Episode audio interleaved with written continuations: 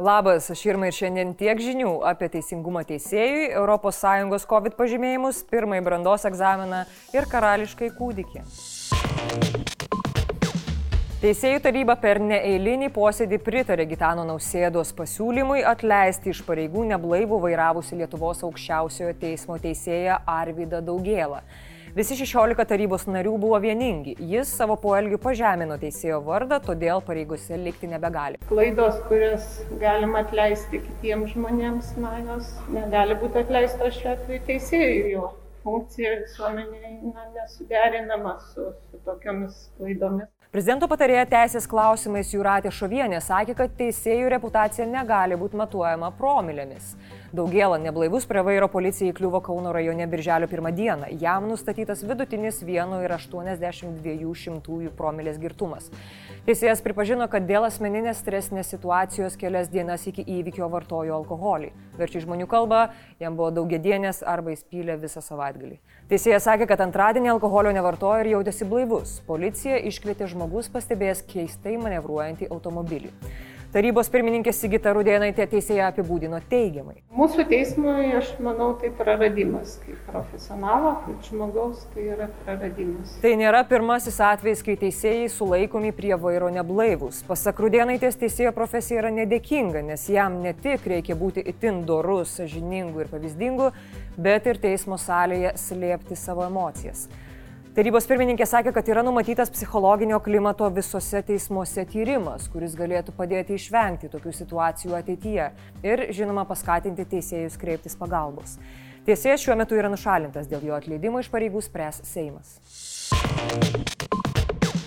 ES skaitmeninis COVID pažymėjimas jau Lietuvoje. Jį galima atsisiųsti e-sveikatos tinklapyje. Anot sveikatos apsaugos viceministrės, Lietuvoje tokių pažymėjimų jau sugeneruota apie 300 tūkstančių. Daugiau pažymėjimų atsiras artimiausiomis dienomis.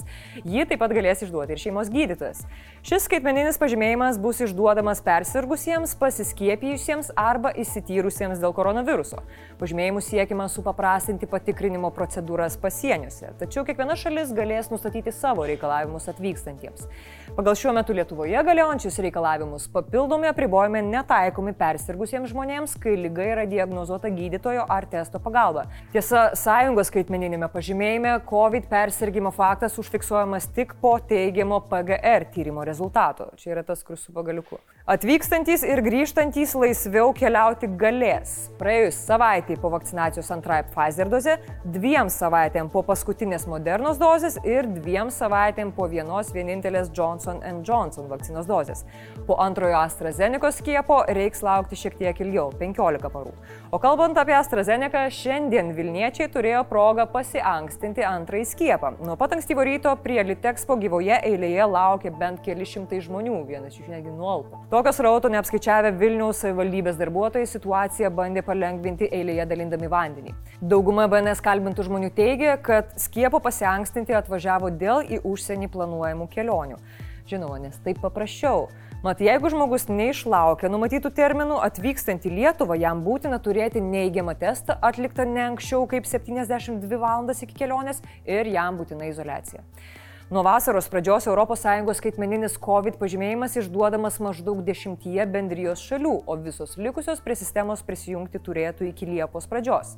Pažymėjimas nurodo tik būtinus pagrindinius asmens duomenis, o šalis, kuriuose lankomasi, tos informacijos saugoti negali. Nes jeigu vyriausybė ar kokį nors vietinį registrų centrą ištiks CTB, bus blogai. Labai blogai. Prasidėjo kasmetinis dvyliktokų ašarų liejimas, įvyko pirmasis brandos egzaminas. Lietuvių kalbos ir literatūros valstybinį egzaminą pasirinko laikyti bent 17 tūkstančių kandidatų, o mokyklinį beveik 9,5 tūkstančių. Kokios temos šiais metais laukia dvyliktokų? Pedagogai kaip visą laiką sakė, kad gana lengvos, o moksleiviai? Sakyčiau, pirmiausia pagalvojau, kad buvo lengviau negu tikėjaus. Tikėjausi šiek tiek tokių sunkesnių temų, keblesnių. Kaip ir kasmet mokiniai pasirinkę temą iš dviejų samprotavimo ir dviejų literatūrinių turėjo parašyti rašinį. Valstybinio lietuvių kalbos ir literatūros egzamino temos atrodė štai taip, o mokyklinio štai taip. Netrodo, kad skaitančiam būtų kažkokių naujovių arba sunkumų, bet, žodžiu, tiek to aš tiesiog nenoriu pati prisiminti savo egzaminų. Nuo žinių patikrinimo neišsisuko ir tie, kurie dėl koronaviruso grėsmės izoliuojasi namuose. Lietuvų kalbos egzaminą laikė keturi savizolaciją trumpam palikę abiturientai. Jie turėjo pateikti neigiamą koronaviruso testą. Policijos atstovo Ramūno Matonio teigimu, nei egzamino išvakarėse, nei šiandien policija negavo pranešimų apie galimus sukčiavimo atvejus. Panašiai kalbėjo ir nacionalinės švietimo agentūros direktoriaus pavaduotoja Asta Ranonytė, pranešusi, kad egzaminas praėjo sklandžiai ir jokių pažeidimų kol kas nenustatyta. Pernai laikyti valstybinį Lietuvos lietuvių kalbos ir literatūros egzaminą pasirinko labai panašus žmonių kiekis. Džiugina ir rezultatai. Beveik 90 procentų į egzaminą atvykusių kandidatų jį išlaikė. Tikimės, šiemet rezultatai tik gerės. Beje, kadangi su šiuo egzaminu prasidėjo ir sesija, tai socialiniuose tinkluose kurį laiką galimai matysite nusiskundimų sunkiom užduotim, bandymų nusipirkti temas arba paverkimų, kad mokytojo neišmokė. O aš noriu paklausti, ar atsimenat savo egzaminų temas ir rezultatus? Pasidalinkit komentaruose. Pasaulyje išvydo dar vienas kūdikis. Jo, didelė čia daiktą, bet jų gimė beveik princesė. Princui Hariui ir Sussexo hercogieniai Meghan Markle gimė dukrelė Lilibet Diana Mountbatten Windsor, arba tiesiog Lili. Turbūt supratote, kad antrasis vardas parinktas Hario mamos princesės Dianos garbiai, o Lilibet, nes karalienė Elžbieta, tai buvo vadinama vaikystėje. Beje, skirtingai negu mačiutė Diena, Lili negalės džiaugtis princesės titulų, nes jos tėvams nepatiko karališkasis gyvenimas ir jie jų atsisakė. Naujagime ir tėvus suskubo pasveikinti karališkoji šeima, su kuria Haris ir Megan pastaruoju metu jautė šiokią tokią įtampėlę. Pasveikino, žinoma, Instagrame. Džiaugiasi brolis Viljamas su žmona, tėvas princas Čarlzas Džonsas ir šalies premjeras Borisas Johnsonas. Bet dar nepranešiau svarbiausios naujienos. Mergaitė gimė 3,5 kg. That's amazing.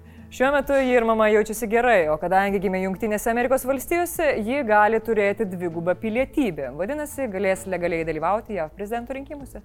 Dar prieš jos gimimą princas Haris viename podcast'e sakė, kad savo vaikams nori geresnio gyvenimo nei turėjo pats. Jis teigia gyvenęs lik filmo Trumano šou personažas, kurį visą laiką stebi. Paragavęs karališkojo gyvenimo, nebenori tokio nei savo, nei savo vaikams. Mama, princesė Diena, tikiu, juo didžiuotųsi. Sveikiname Sasekso hercogus.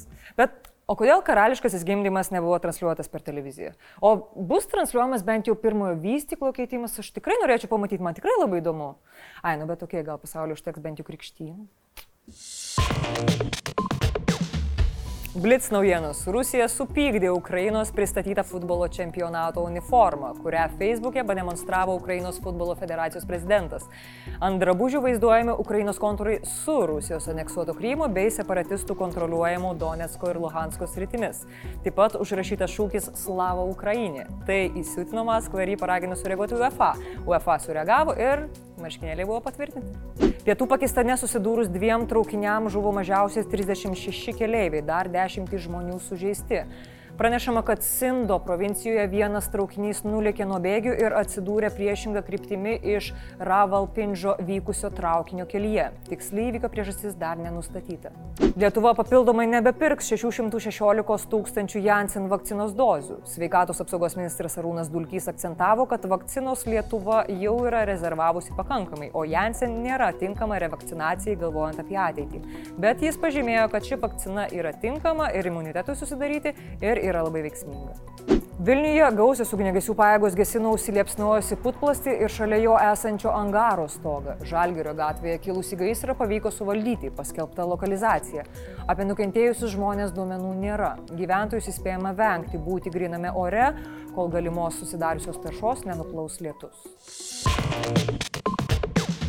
Nepamirškit parašyti apie savo egzaminus, jūs apie juos nepamiršite visą gyvenimą, bet jeigu vis dar skubate įgauti Summer Body iki savo kelionės į Graikiją, pagalbos kreipkitės į jį.